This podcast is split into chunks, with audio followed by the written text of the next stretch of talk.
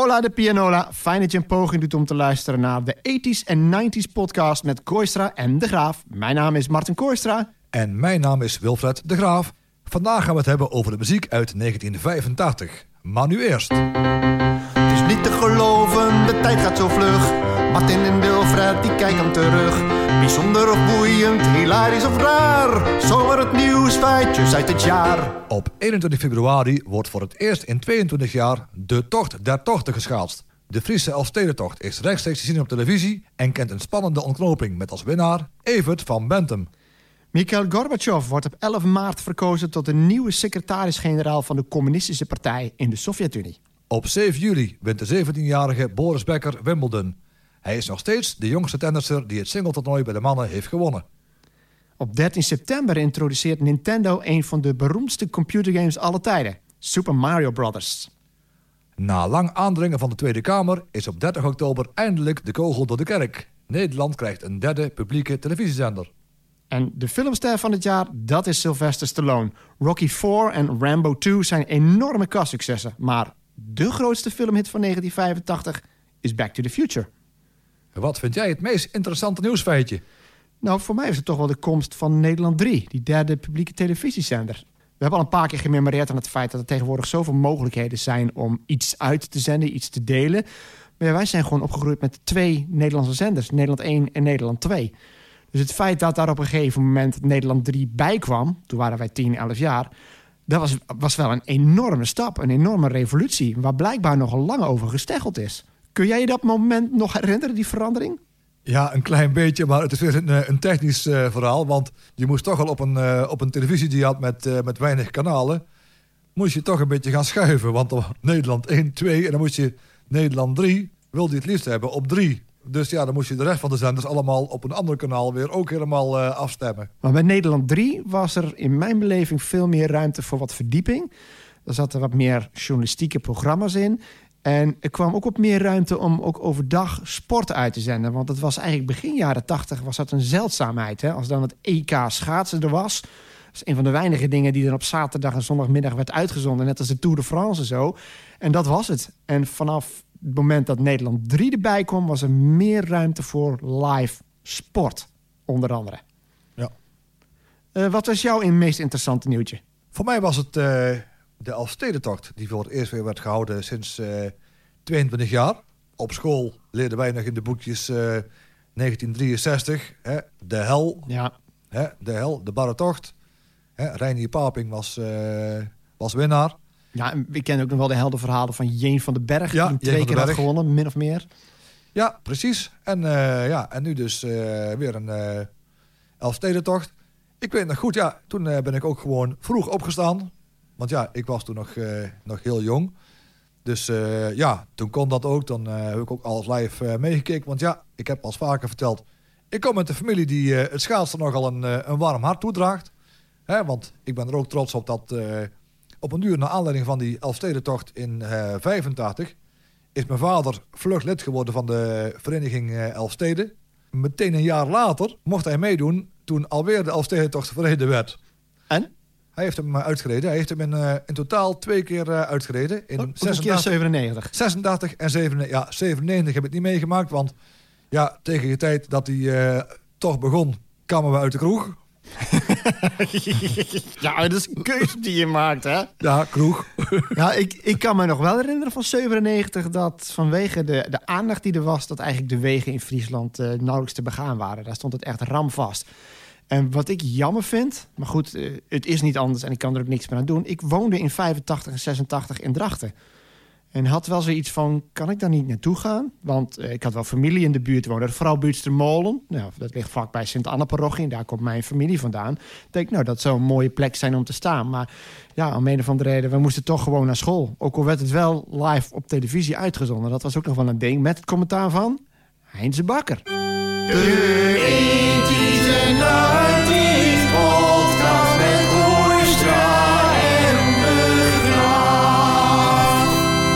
Tot zover het nieuws uit het jaar 1985. Nu gaan we het hebben over de muziek. En daarvoor gebruiken wij onze muziekbijbel, het Top 40 Hitdossier. Martin en ik hebben in totaal 10 liedjes gekozen uit de single top 100 van het jaar 1985. En daar hebben we een top 10 van gemaakt, waarbij de nummer 1 de grootste hit is uit ons lijstje. Maar iedere top 10 begint natuurlijk met... Nummer 10. In a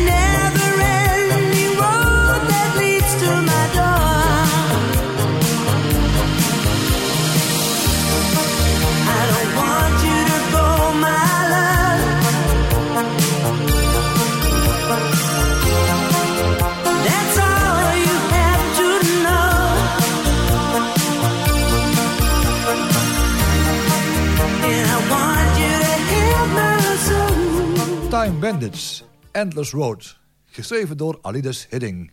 Ja, en Alidis Hidding die was afgelopen seizoen nog te gast in eh, Beste Zangers. En daar was hij erg opvallend. Heb je dat gezien? Ja, heb ik eh, gezien, want ik was eerst eh, halverwege ingesprongen. Maar ik vond het zo mooi dat ik op, op terugkijken bij het begin heb gezet en alles bekeken heb. Ik vond het echt helemaal, helemaal mooi, want ja, de Time Bandits stonden aan zich al garant voor heel solide liedjes. Die eigenlijk tussen, de, tussen pop en dance eh in zaten. En op een uur ook eh, ja, bij de beste zangers. De, de versie van eh, Anneke van Giersbergen vond ik ook echt heel goed van Endless Road. En als fanaat, jawel, de naam komt tevoorschijn. Ben Liebrand heeft er nog een mooie remix van gemaakt, een, eh, een lange versie. De High Energy Dance Mix. Ja, ik heb die, ik heb die ook gehoord. En het mooie daaraan, en dat is een compliment voor zowel Alidis Hidding eh, en, eh, en de Time Bandits, als voor eh, Ben Liebrand, is dat Ben Liebrand er eigenlijk niet zoveel aan lijkt te hebben verbouwd. Dus dat geeft aan dat het liedje in de oorspronkelijke vorm eigenlijk nog best goed werkt. Maar ook dat Ben Liebrand het origineel in ere houdt en daar toch een moderne groove van geeft. Want je hoort gewoon, dit klinkt veel meer moderner. Het, het heeft gewoon een stap gemaakt in de tijd, naar de 90s. Ja, inderdaad. eh, gewoon simpele toevoegingjes. Klein beetje nog dingen bijgespeeld met, eh, met keyboard synths, wat, eh, wat sampletjes erin, maar heel erg subtiel. Ik denk als je het origineel niet zou luisteren, zou je gewoon denken van het hoort zo. En het heeft iets, iets nostalgisch. Het heeft iets dromerigs, dit liedje. Als het ook opbouwt naar het Ja. refrein. Dan hoor je ook wat eigenlijk zo typisch is aan Alidis Hidding. En dat is die falsetto, die hoge stem. Ja, precies, die hoge stem. Ik moet eerlijkheidshalve bekennen dat ik eh, heel lange tijd heb gedacht dat het door een vrouw gezongen werd. Als je, de, als je hem niet kende van de clips of van Top Op, want daar kende ik hem van. Maar ik kan me dat goed voorstellen. Want die stem is typisch een stem die er tussenin zit. Waarvan je denkt, is het nou een man of is het een vrouw? Nummer 9. You're my heart, you're my soul. I keep it shining everywhere I go. You're my heart, I'll be forever, stay with.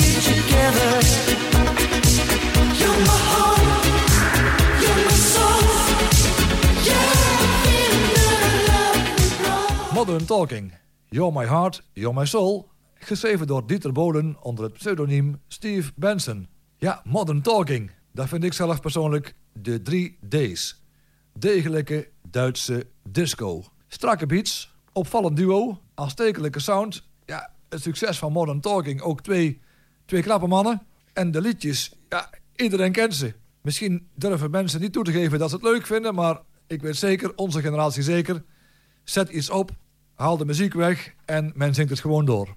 Ja, ik begrijp er ook niks van waarom mensen dat fout vinden. Ik, ik heb toch het idee dat dat te maken heeft met vooroordelen.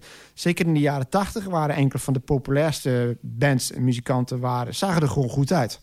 Duran Duran komt nog aan de orde, ben ik zelf een fan van. Maar die werden ook een beetje weggezet als zijnde... ze zien er goed uit en ze kunnen leuke liedjes schrijven... maar echt veel talent is dat niet. Die band bestaat ook gewoon nog steeds. En Spandau Ballet van hetzelfde laken en pak. Zo van, joh, ze zien er modieus uit. Alsof het idee heerste van als je er goed uitziet... en je ziet er verzorgd en knap uit... dan kun je toch nooit een goede muzikant zijn. En ik heb het idee dat dat bij Modern Talking speelt. Want je kunt niet zeggen het is fout... als je gewoon zes liedjes kunt noemen... waar- waarvan je kunt zeggen dat zijn gewoon knallers. En je, je lalt ze bij wijze van spreken allemaal mee. Dat kan toch nooit fout zijn? Dan hebben de critici hebben het gewoon mis. Boom. Ja, precies. Want als je goed luistert, al die liedjes van Modern Talking, ja, die, je dan, eh, die, die wij genoemd hebben eigenlijk, die kun je ook gewoon naadloos, eh, ja, naadloos aan elkaar eh, draaien. Ja, Maar, ik, zal, ik zal ze eventjes noemen, want dat hadden we Ja. nog niet gedaan. You're My Heart, You're My Soul dus. Nou, eh 12 weken genoteerd nummer 4. You Can Win If You Want. 13 weken genoteerd nummer 6. Nou ja, Sherry Sherry Lady. Sherry Sherry Lady. Oh, heerlijk. Brother Louie Louie Louie. En Atlantis is calling. En ik zing dat nu en ik denk, we hadden het net over falsetto. Brother Louie Louie Louie. Atlantis is calling. Ja. En zoals je kan horen als je de nummers eh, luistert... ze hebben allemaal ongeveer eenzelfde beat uit dezelfde drumcomputer. Dus we kunnen één ding stellen.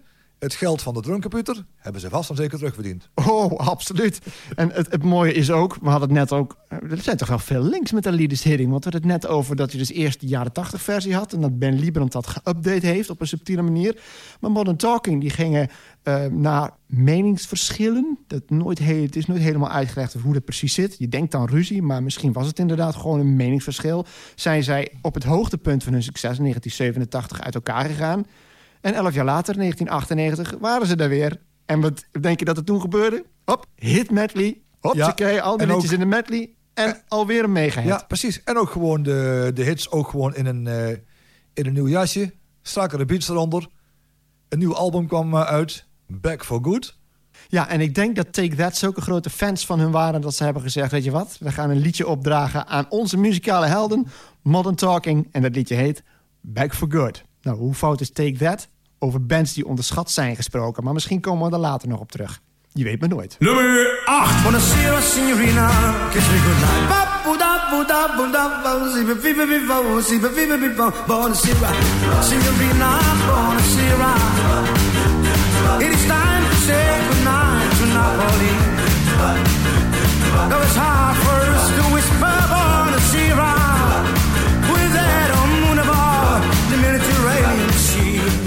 Andreasus met Buenasera O Marie. Geschreven door Peter de Roos en Carl Sigman. Ja, want in 1985 hoorden we André Hazes eigenlijk zoals we hem nog nooit gehoord hadden. Hè? Als je het zo bekijkt, eh, inderdaad. Eh, want ja, wij kennen hem natuurlijk al van allerlei smartlappen. eh, een beetje verliefd. Eenzame kerst. Zeg maar niets meer. Wat is dan liefde? En een vriend. Maar ook in hetzelfde jaar kan bijvoorbeeld... Ik meen het, dat was al een klein beetje up-tempo. Dus ja, de verrassing van het up-tempo was niet zozeer... maar wel dat hij een klassieker in zo'n danig jasje vertolkte... dat het eh, vriend en vijand echt verraste. Ja, en dat hij dus ook mensen een glimlach kon bezorgen, bij wijze van spreken... in plaats van ze dieper in de ellende te laten storten. dus jammer vind ik dan toch dat hij weer een beetje is teruggegaan... naar al dat smartlappen gedeelte. Want ik vind, ik meen het, en ook Aires en Omarie... vind ik eigenlijk wel zijn... niet alleen zijn leukste liedjes, omdat ze optimistisch zijn... maar ik hoor ze ook liever. Die smartlap, ja, daar had hij al een hele rits van gemaakt. En hij bleek dit ook te kunnen, dus ik had hier graag meer van gehoord.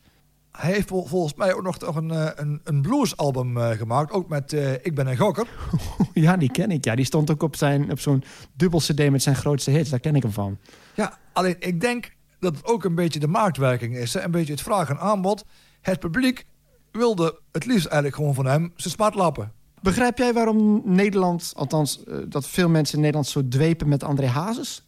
Ja, misschien een totaal plaatje. Ik denk dat heel veel mensen zich wel konden vereenzelvigen ooit met de persoon. Gewoon een gewone man die ook gewoon zijn dingen had. Zijn, zijn, zijn, zijn drank, zijn... de- Nou, ook zijn Alles- verlegenheid, daar stond hij ook onbekend. Ja, dat was ja. duidelijk dat hij altijd bloednerveus was. Ja, en dat was ook wel te zien. dat was ook een beetje de reden dat hij ook gewoon voor een optreden... ongeveer eh, ja, al, al net zoveel bier consumeerde... als wij misschien op een hele stapavond. Ja. Maar ik denk veel van zijn iconische status heeft hij toch ook te danken aan die documentaire. Zij gelooft in mij. Want die was wel gemaakt in een tijd dat het wat minder met hem ging. En toen denk ik een groot publiek zoiets had van, eh, nou, die is uitgerangeerd. En dat was toch wel zo'n beetje zijn, zijn comeback, die documentaire. Ja, ook een beetje met, eh, met, die, met, ja, met het fiasco in, eh, in Spanje. Dat je echt Hazes op zijn kleinst zag. Maar het sierde hem wel dat hij ook gewoon niet de persoon was om te zeggen van... Hè, camera's weg, dit knippen we eruit. Dat is, vaak wordt het ook van tevoren wel afgesproken. Maar het is wel opvallend dat iemand die eigenlijk zo verlegen is... dat hij dat toestond überhaupt. Dat is zeker zo. Hey, maar dit is een heerlijke dansplaat, denk ik dan. Ook voor de foxtrots en zo. Is het dan ook iets waarvan je zegt... ideaal voor op feesten en partijen en bruiloften en dergelijke? Ja, op feesten en partijen is het zeker een, eh, een leuke plaat. Doe ik ook, eh, draai ik ook wel eh, regelmatig op, op feesten en partijen. En wordt altijd wel goed ontvangen. En heb je ook de mensen die inderdaad een foxtrotje of een... eh, Ja, ja, ja, daar komen ook vaak een beetje, eh, ja, een beetje wat oudere generatie. eh, Dan komen de stelletjes die nog uit de periode stammen dat een dansles verplicht was waarschijnlijk. Jap. En die kennen wel zijn klassiekers met de foxtrot, de jive, de quickstep. En, Dus beentjes van de vloer en dan is dit een ideale plaat, dan wil je dat voor elkaar krijgen. terwijl volgens mij het intro ervan eigenlijk een beetje een soort van tangootje is. Klopt ja, en het bouwt op. Tup, tup, pup. En dan krijg je papa doebe papa buenasera, señorita. Nou, oh, dat is het. Ik dacht dat dat een verbindingstuk tussen die twee liedjes was, maar dat is niet zo. Het begint inderdaad met een tango. Dus je hebt van tango gaat hij dan naar jive. En eh, misschien dat je er ook nog wel een quick step op kan doen. Ik heb ooit dansles gehad, maar dat is alweer lang geleden. Dus ik zit er ook niet helemaal in. Nee, ik heb geen dansles eh, gehad en daarom eh, sta ik het liefst bij een feestje gewoon veilig achter mijn draaitafels voor een- bij een meubel. Dat ze mijn benen niet zien bewegen. Nummer 7. Well,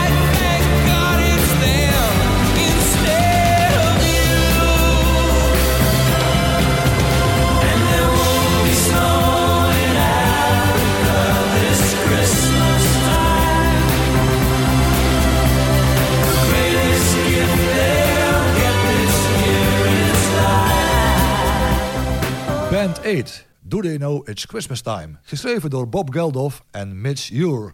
Ja, de plaat aan zich vind ik al, eh, al helemaal super. Vooral de samenwerking tussen de artiesten. En ook gewoon zo knap hoe de initiatiefnemers het arrangement gemaakt hebben met de tekst. En dan de juiste personen op de juiste plaats hebben, hebben neergezet met de, met de regeltjes.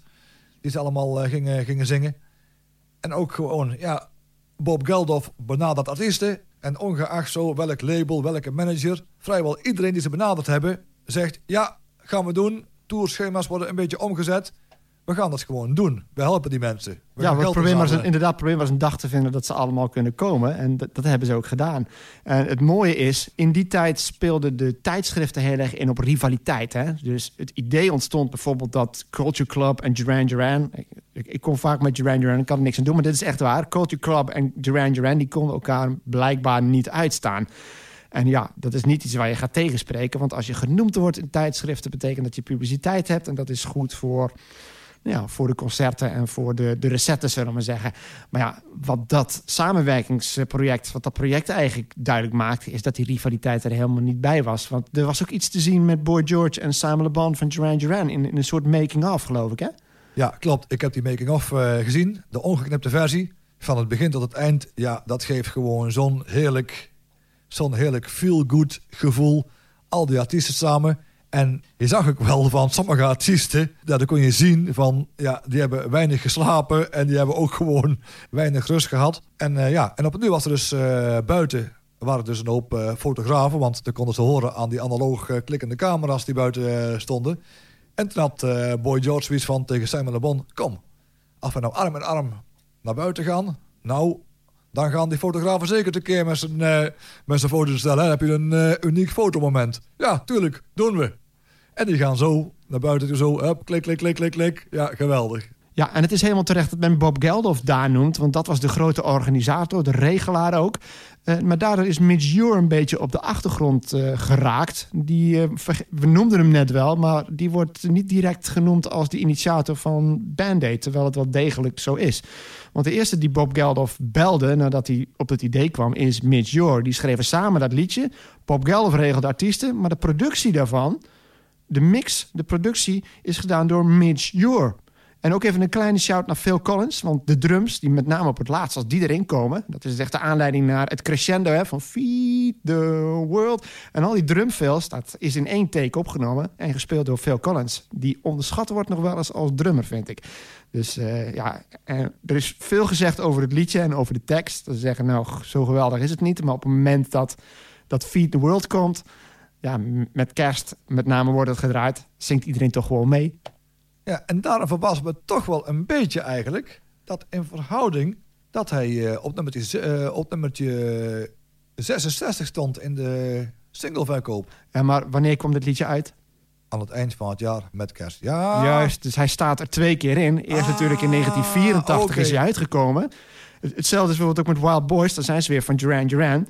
Die heeft eh, op nummer 2 gestaan, 14 weken genoteerd. En die staat dus twee keer in de, in de top 100. Maar ja, dit kwam ook uit eind november, begin december.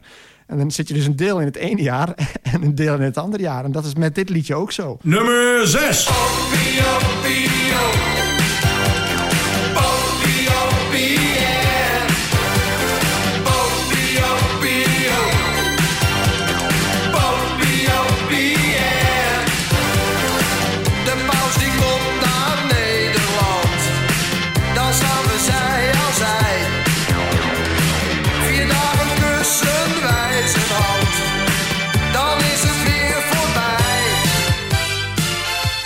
Pisa en Popiopi, geschreven door Gerard Stellard, Henk Spaan en Harry Vermegen. Eh, dit is nou een liedje, dat ken ik omdat ik de videoclip gezien heb. En ik had Pisa eigenlijk nog nooit gezien. Dus Popiopi en Pisa leerde ik dus kennen door de videoclip van dit liedje. Heb jij wel meer herinneringen aan die Pisa-tijd? Want ze zijn later Verona gaan doen. Maar ik was voor Pisa eigenlijk nog wat te jong om dat te kunnen kijken. Nou, ik heb als kind eigenlijk nooit eh, vaste tijden eigenlijk eh, opgelegd gekregen van zo laat naar bed. En eh, ja, ik, ik keek Pisa gewoon mee. Maar weet je nog wat de aanleiding was eigenlijk voor Popiopi? Dat was het, het pausbezoek. Dus ja, zodoende maakte ze dus een, een persiflage met Henk Spaan als de paus. Harry Vermegen als chauffeur. En ze maakten een tour door Nederland. Ja, en daarbij ging dus eh, Harry Vermegen de paus introduceren... of later die liet hij kennis maken met de Nederlandse cultuur... in de vorm van bepaalde Nederlandse culturele activiteiten. Waaronder het, het dus ging naar de kaasmarkt. Dan gaat, eh, zie je Henk Spaan dus met twee van die, die riemen om zijn schouders... zie je dan zo met die kaas rennen. En niet te vergeten, het is geen Philip wat hij deed... maar wel het beroemde typisch Hollandse slootjespringen... En dat is zo'n fantastische sketch die ook aangeeft wat een beetje de insteek was van Pisa. Want dan wordt je dus geïntroduceerd en dan legt Harry Vermegen legt dan uit van dit is nou iets wat typisch Nederlands is, dus dat moet je doen. En dan zie je dus Henk Spaan in die kleding, die regalia van de paus, ziet hij, zie je dan zo als een gek over, over een veldje lopen. En dan springt hij zo, springt hij zo met zijn polstok over een slootje heen. En hij dondert niet in het water, dat valt nog mee, maar hij dondert wel neer. Het is een typisch, typische manier om iemand die door het volk aanbeden wordt... om die neer te zetten als een gewone man. En gewoon eigenlijk van die hoge troon af te stoten. Spaan en Vermegen die zochten ook altijd de controverse op. En we hadden het net, noemde ik al, de glazenwasser. Weet je nog wat het concept was van de glazenwasser? Ja, dat was... eh, ja, Harry Vermegen was eh, de glazenwasser. De schone was eh, Wanda. En dan hij kwam binnen en dan riep Wanda... Of hij kwam langs en dan riep Wanda altijd... Kopje koffie, glazenwasser. Nou, dat sla ik niet af, Wanda. Dus ze gingen naar binnen toe. En dan, ze praten wat bij. En op een duur hadden ze het over een onderwerp. En dan kwam er een weddenschap. En dan eh, aan de hand van de weddenschap was het zo van... degene die de weddenschap verloor, die moest dan iets uittrekken. Dus ja, het zou bijvoorbeeld kunnen zijn... eh, heeft Jan Lenverink eh, een blauw overhemd aan? Nou, dat is grappig dat je dat noemt, want ik heb eh, afgelopen week nog een keer een compilatie gezien van Pisa. En daar zat een voorbeeld in. Je zat in de buurt met Jan Lenfrink, maar het ging om de vraag: was de eerste gast bij Sonja, want die had natuurlijk eh, haar talkshow, of dat een man of een vrouw was? Dus inderdaad, dat soort weddenschappen was het. En dat wisten ze niet van tevoren, dus de uitkomst was echt een verrassing. Ja, dus misschien onbewust hoopten dan wel de mensen... dat, eh, dat Wanda het verkeerde antwoord eh, gaf. Nou, dat was niet zo onbewust, want er stonden steeds mensen bij te kijken. Maar goed, even terug naar het liedje. Eh, Kijk, dat Popiopi heeft gewoon een geweldige hoek. Alleen al het feit dat het opent met Popiopiop. Popiopi. Dat yelt, iedereen yelt dat gewoon, schreeuwt dat mee. En ze ha- hadden ook merchandise met Popiopi. En het kwam in die sketches terug. En ook gedurende die sketches zat er altijd momenten in. Nou ja, dan was hij buiten en dan ging hij naar binnen. En als, om dat te verbinden kreeg je dan een klein stukje weer van het liedje te horen. Dus dat liedje liep als een rode draad ook door die sketch. En op het hoogtepunt van hun roem keken er 4 miljoen mensen naar Pisa. dus moet je kijken wat voor reclame dat is, dat liedje. En het was niet de enige hit die ze hadden met Pisa. Later met Verona hebben ze ook nog hits gehad trouwens. Maar Popiopi is voor mij echt iets dat is zo blijven hangen. En dat associeer ik ook echt met de Nederlandse satire. Dus vandaar ook weer zo'n hook. En gewoon zoiets simpels als Popiopi. Het geeft precies aan waar de sketch over gaat. En je brult het gelijk mee. En dat is de kracht eigenlijk van dit soort liedjes. De muzikale nieuwsfeiten van het jaar. In 1985 gebeurde er natuurlijk ook van alles in de muziekwereld. Dit zijn wat muzikale nieuwsfeitjes uit het jaar. Op 28 januari 1985 vraagt componist en producer Quincy Jones aan 48 Amerikaanse popartiesten om hun ego's buiten de deur te houden voor de opnames van We Are the World. Het Amerikaanse antwoord op Do They Know It's Christmas Time? New York, New York, vooral bekend in de uitvoering van Frank Sinatra, wordt op 7 februari het officiële volkslied van New York. Op 25 maart schrijven Stevie Wonder en Prince geschiedenis door als eerste Afrikaans-Amerikaanse muzikanten Oscars te winnen. Stevie Wonder voor de megahit I Just Called to Say I Love You uit de film The Woman in Red en Prince voor de beste muzikale score van Purple Rain. De Edisons bestaan 25 jaar. Op 11 april mogen onder andere Robert Long, Anita Meijer en de Golden Earring deze muziekprijs in ontvangst nemen. En in mei verschijnt het album Brothers in Arms van Dire Straits. Het wordt een van de meest geliefde en succesvolle albums van de jaren 80. Op 13 juli vindt Live Aid plaats. Eerst in Londen en later op de dag in Philadelphia. Welk nieuwtje zou jij hieruit pikken? Live Aid. Voor mij is het een heel bijzondere datum. Want op 13 juli 1985 werd ik ook 13 jaar. Hoe heb je dat gevierd?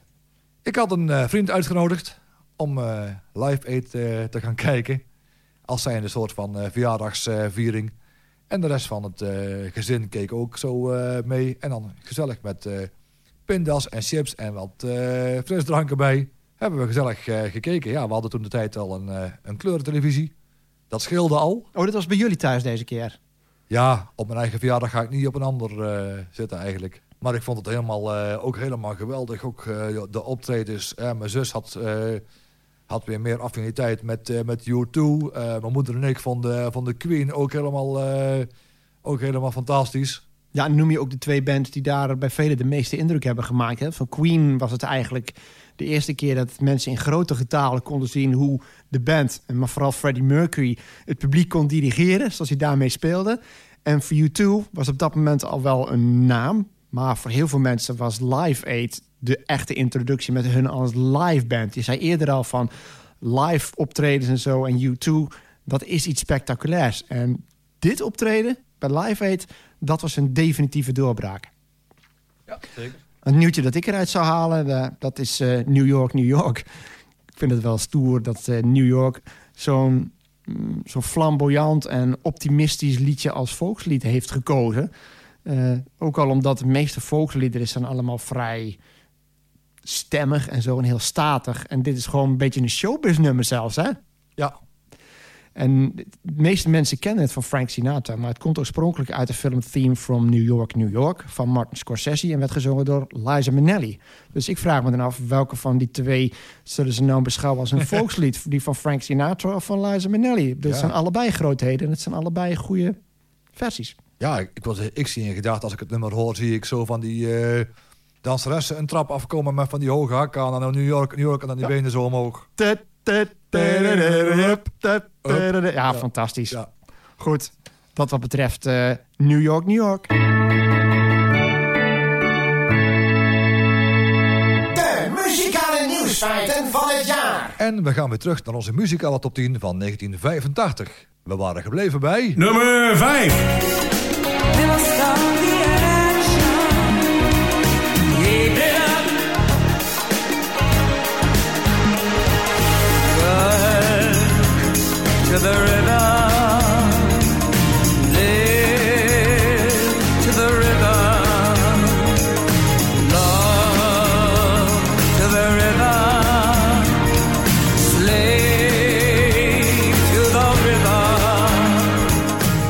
Grace Jones en Slave to the Rhythm, geschreven door Bruce Woolley, Simon Darlow, Steven Lipson en, daar is hij weer, Trevor Horn. Eh, ja, dit geluid van Trevor Horn, dat hangt hier gewoon overheen. Eh, ik hou van 12 inches, maar met mate. Dit is er eentje waar ik gewoon eindeloos van kan genieten. Want jij kent dat begin, hè? Ja, ladies and gentlemen, Miss Grace Jones. Jones, slave to the rhythm. En dan begint hij, komt er ook gelijk iets in. En het bouwt op. En er komt percussie bij. En er komt een laag bij. En het bouwt, het gaat weer terug. En dan bouwt het weer op. En dan krijg je op het laatst krijg je dat, eh, allemaal dat applaus zogenaamd. Dat is ook weer ingezet. En dan hoor je... And now, ladies and gentlemen, here's Grace. En het zakt terug. Oh, en de manier waarop het opbouwt en waarop het steeds van een crescendo en steeds in stapjes gaat. Het zeg maar twee stappen omhoog en één stapje terug. En dan weer twee stappen omhoog naar het hoogtepunt en dan in één keer weer terug. Het is zo effectief en zo strak en glad geproduceerd. Met die rete strakke beat eronder ook. En Grace Jones is geen geweldige zangeres. Maar wel een geweldige persoonlijkheid. En zeker in de tijd van videoclips met haar modeachtergrond. En het, het feit dat zij als zwarte vrouw met een sterke persoonlijkheid... die zich niet liet ringeloren door mannen. Ze heeft ooit een keer in een, in een praatprogramma op de BBC... heeft ze zelfs de presentator fysiek aangevallen... omdat hij weigerde naar haar te kijken... terwijl hij met een andere gast in gesprek was. Dat is typisch Grace Jones. En zij is echt wel een rolmodel geweest... voor heel veel vrouwen van de volgende generatie. En dat is zij nog steeds. Dus eh, dan heeft ze ook nog, naast het feit dat zij in de mode een grootheid is geworden, gewerkt met Jean-Paul Gaultier, eh, de arty videoclips ook, die ook echt eh, eye-catchers waren. En ja, liedjes zoals dit, en La Vie en Rose is ook een mooie pull-up to the bumper, die ken je ongetwijfeld ook. Ja. Eh, he- heb jij iets met Grace Jones zelf? Nee, niet echt specifiek, maar als ik de nummers hoor, dan ga ik ze wel afluisteren. Is Slave to the Rhythm, want je hebt het al vaker gehad over ethisch knallen, zullen we maar zeggen. Maar dat je een bakje hebt van de echte favorieten en de binnenkomstplaten. Past dit bij die binnenkomstplaten, denk je? Nee, tot op, tot op heden nooit gedaan. Ik vind het niet echt een feestplaat of iets. Nee, ook niet voor vroeg op de avond, omdat het wel een beetje een groove heeft. Ik heb het idee dat het is niet iets waarvan je gaat dansen, maar wel eentje waarvan als je op een barkruk zit, je een Nou, beetje zo met het hoofd knikt, zullen we maar zeggen. ik zou het een keer kunnen proberen. Nummer 4. All change. Don't you know that when you play at this level, there's no ordinary venue? It's Iceland, or the Philippines, or Hastings, or, or this place. One night in Bangkok, the world's your oyster. The bars are temples, but the pulse ain't free. You'll find a god in every golden oyster. And if you're lucky, then the god's a she. Murray Head en One Night in Bangkok, geschreven door Tim Rice. En jawel, daar zijn ze weer. Benny Andersson en Björn Elvis. Want wie dacht dat ze na hun succes met ABBA op hun lauren gingen rusten... die hadden het mis. Want de heren Björn en Benny die gingen gewoon musicals maken. En dit liedje komt uit de musical Chess. Dat verklaart ook waarom Murray Head verder in de top 40 hitdossier... en in de popwereld eh, geen naam is. Maar je kunt hem geen one-hit wonder noemen. Ja, tenzij je puur naar de top 40 gaat. Want hij was een gerespecteerde musicalzanger. Heeft onder andere ook in Jesus Christ Superstar gezeten. Maar nu je het liedje hoort, hè, herken jij dan een beetje iets van die oorspronkelijke ABBA-sound hierin terug? Of totaal niet? Nee, eigenlijk helemaal niet, want je hoort ook een heel, eh, ook een heel lang intro normaal gesproken bij de oorspronkelijke versie. Nee, het, eh, het is dat ik nu, eh, nu hoor van jou van wie de schrijvers zijn. Anders had ik het niet geweten. Nee, het, komt ook wel als een verrassing. Dat intro, denk ik, is van Tim Rice. Want Tim Rice is wel iemand die echt specifiek een musical-achtergrond heeft. Dus dat bombastische opening. Maar, maar ja, oh, zoiets waarvan je denkt... hoe verzin je het om een single daarmee te beginnen? Weet je nog dat we het over Made of Orleans hadden? En gewoon 30 seconden begint met... en alle vreemde geluiden. Ja, maar dat is ook het geval met uh, Brand New Day. Ja, om, ook nog maar te zwijgen van eh, eh, One Night in Saigon. De eerste minuut is gewoon zo'n helikopter die dan... En dat gaat een minuut lang door. Oké, maar dan hebben we het ook over zijn intro van Manneke Karrespoor. Mooi man. Oh ja. Is dat ook niet bij, bij Mooiman inderdaad zo? Dan hoor je een, een motor die start en dan een trekker zo... En wat doen de mensen op de radio daarmee? Knippen. Knippen, juist. Ik vraag me dat ook af of bij Murray Head of dat intro eh, daar wel bij hoort. Want ik weet nog dat ik een verzamel-cd kocht waar dat op stond. En ik zette dat op. En de eerste 20 seconden dacht ik, wat is dit? En dan ineens houdt het op en dan krijg je... Bangkok, Arian to sit. Ik denk, oh, dit is het gedeelte dat ik inderdaad ken. Dus ik vermoed dat inderdaad op de radio... ook al was het nog vinyl, lijkt me lastig... dat dat intro er toch afgeknipt is. Maar toen de tijd, eh, misschien niet op de radio, maar ja, toen ik in de jaren negentig eh, radio maakte...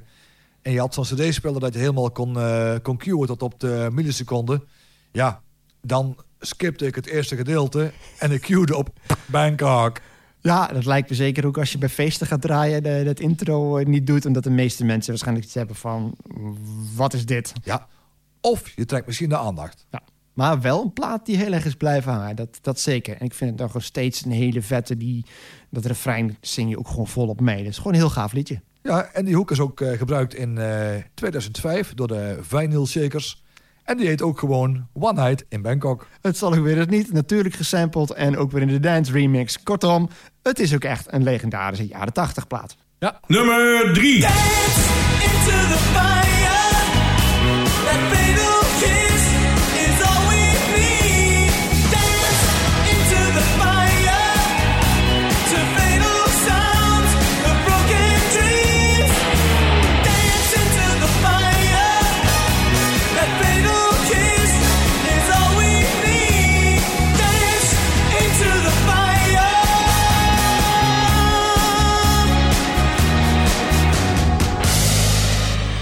Duran A View to a Kill, geschreven door Duran Duran en John Barry.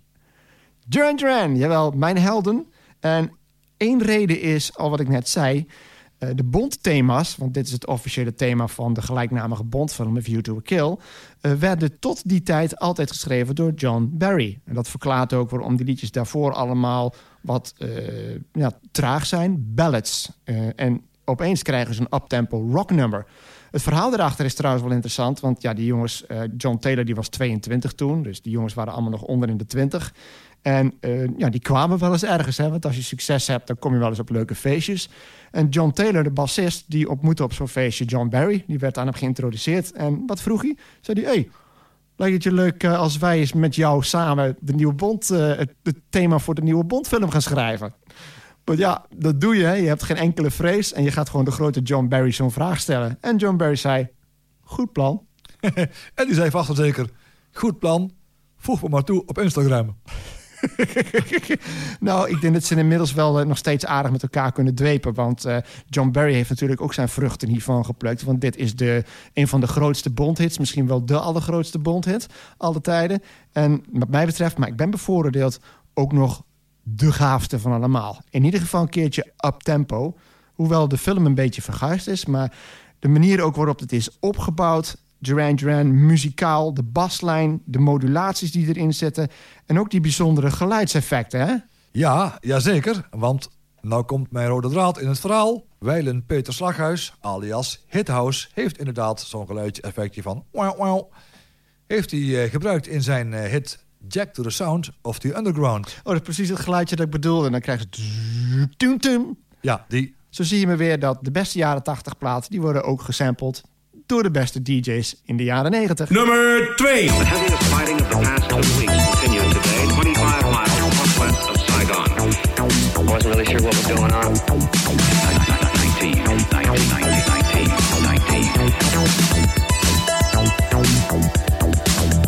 19. Vietnam, the combat soldier typically served a 12-month tour of duty, but was exposed to hostile fire almost every day.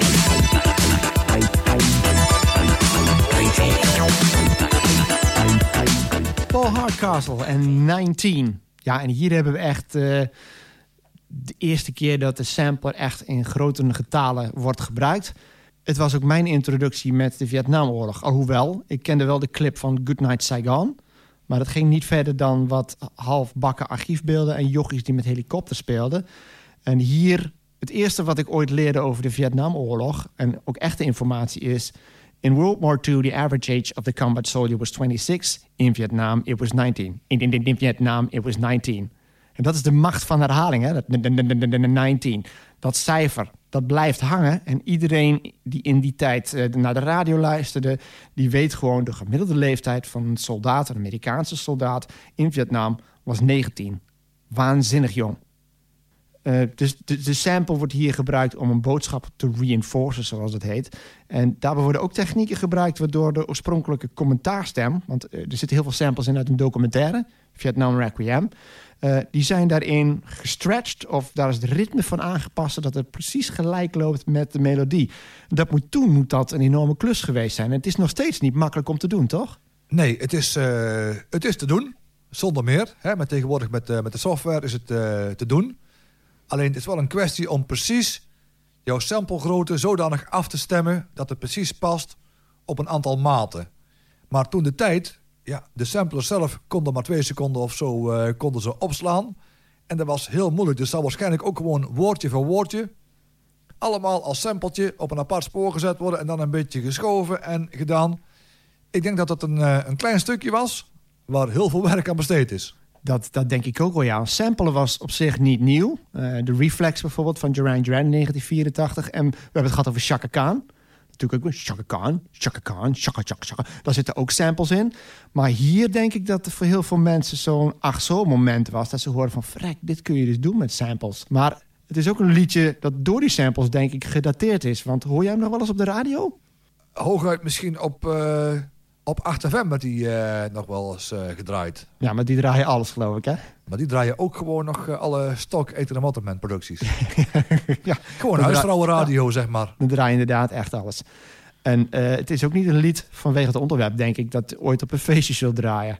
Terwijl het wel een mega-hit is en het, een ontzettend strakke groove ja, heeft. Zeker, zeker. Het is een eh mega hit. Ook een sterke, sterke beats, sterke, sterke baslijn en zo. Maar ja, ik denk ook vanwege het onderwerp niet echt feestnummer. Nee, dat kan ik me voorstellen. Nummer 1. Into the groove, boy, you got to prove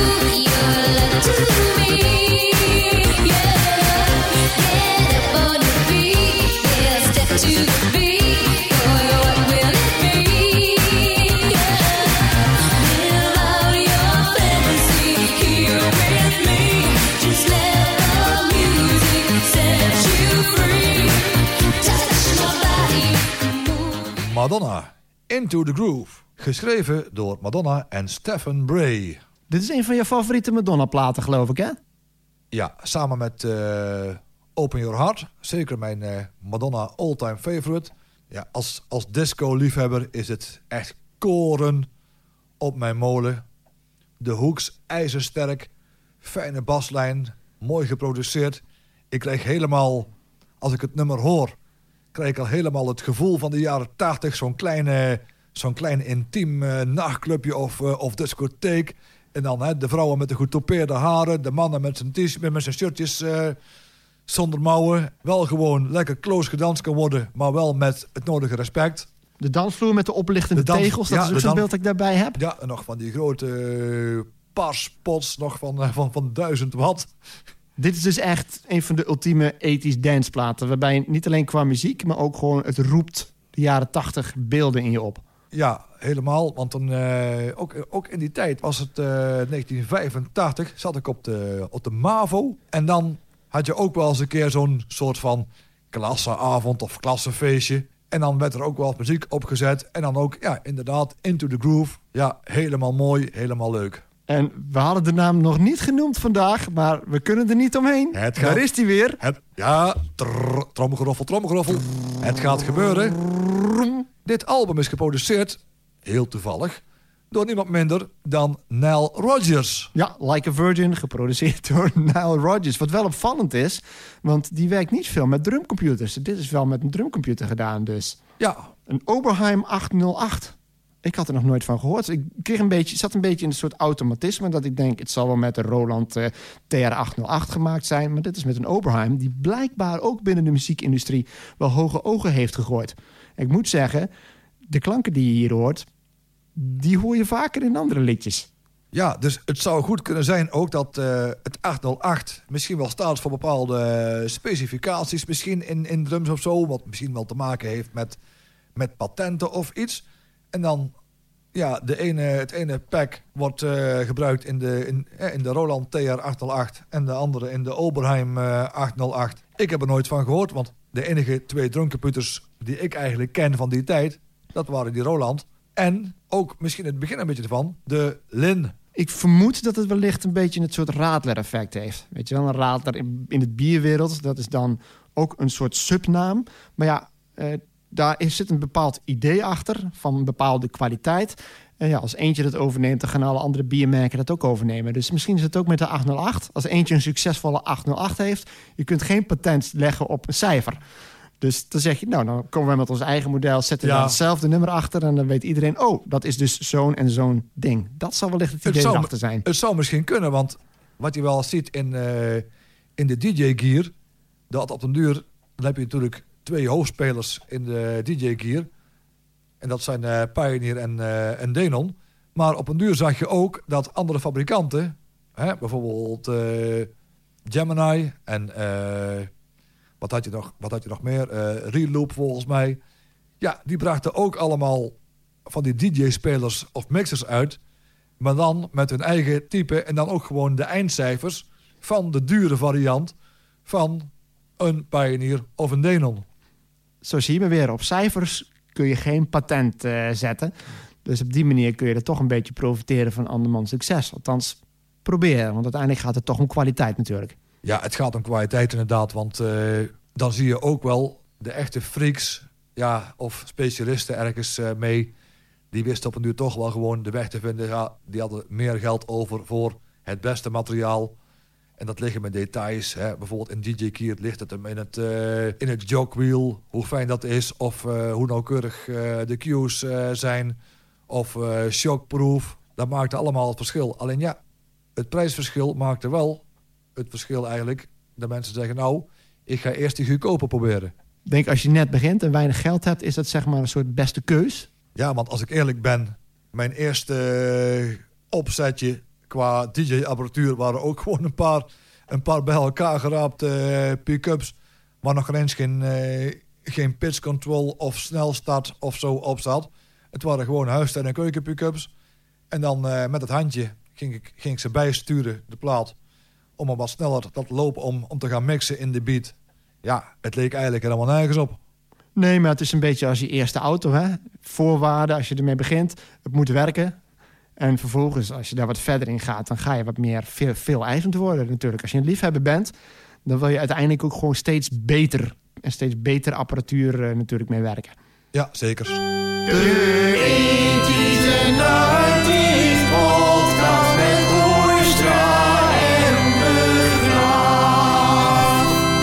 En daarmee zijn we aan het einde gekomen van deze podcast. Fijn dat je wilde luisteren.